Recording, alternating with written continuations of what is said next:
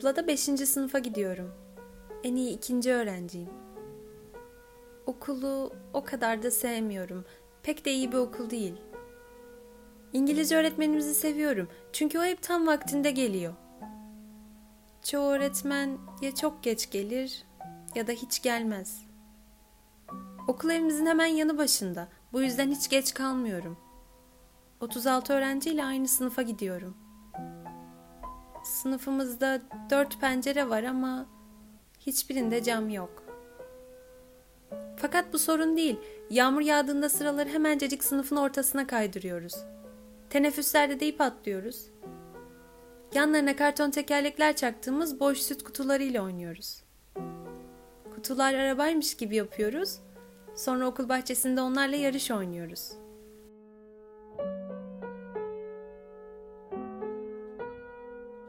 Ben babamla vedalaşırken senin için dua edeceğim. Ne olursun bana geri dön. Seni çok seviyorum dedim.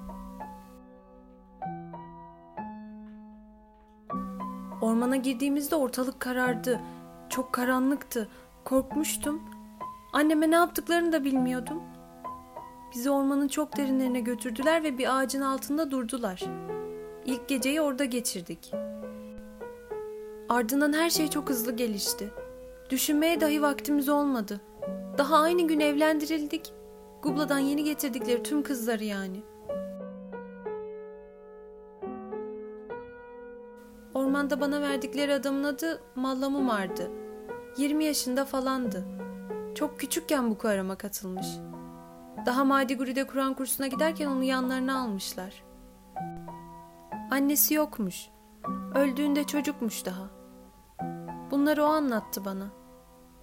Türban takardı, bir motosikleti ve silahı vardı. Kampın girişindeki kontrol noktasında çalışıyordu. Sık sık sinirli olurdu. Beni döverdi. Kamışla. Böyle böyle kısa bir kamışla. Tıpkı eski okulumda neredeyse bütün öğretmenlerimizde olanlardan. Annemin yanına eve gitmek istediğimi söylediğimde onunla vururdu bana. Yaptığım yemekleri de beğenmezdi.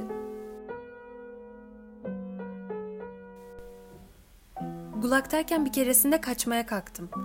Evin kapısını açık bırakmıştı, hepsi camiye gitmişti.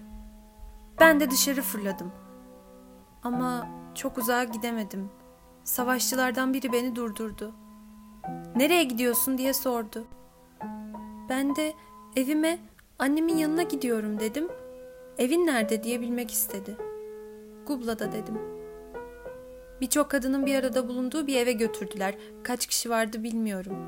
Daha sonra evlendirilmek üzere Kur'an kursu görüyorlardı. Bir hafta beni orada tuttular. Sonra o adam çıkıp geldi. İbrahim ve Musa da yanındaydı. Kolumdan tuttu, çok korkmuştum. Şimdi beni öldürecek diye düşündüm. Ama bana vurmadı. Kızların olduğu binadan dışarı çıkardı ve beni evde dövdü. Çok feci dövdü. Bir sopayla. Sırtım kanıyordu, derilerim patlamıştı. Eğer bir daha kaçarsam ormandaki annemi öldüreceğini söyledi. O kötü bir adam. Kellesini uçurmalı onun.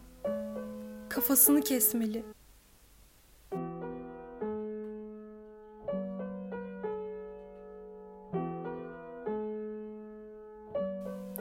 Küçük yol ve patikalardan geçerek savanayı açtık. Sonunda ordunun olduğu bir köye rastladık. Sonra da askerler bizi kamyonlarla Gubla'ya, köyümüze geri götürdü. Ancak orada kalamazdık. Çoğu kilise ve evleri yakmışlardı. Birçok bina da yıkılmıştı. Bir panzer büyük camiyi paramparça etmişti. Bizim evimizden de geriye sadece kömürleşmiş bir harabe kalmıştı.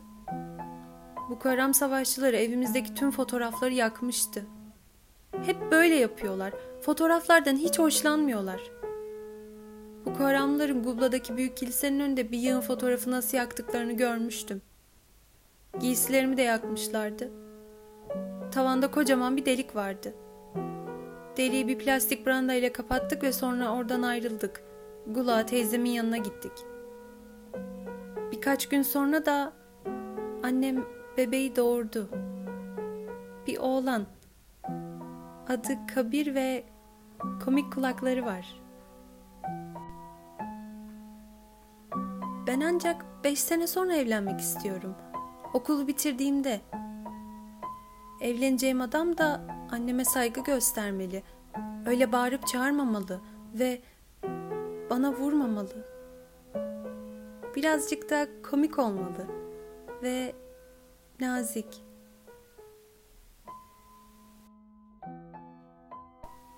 Merhaba, ben Sayfalarca İyilikten Melisa. Öncelikle bu projenin gerçekleşmesini sağlayan ve projede yer alan herkese, ardından şu an burada olduğunuz için size çok teşekkür ederim.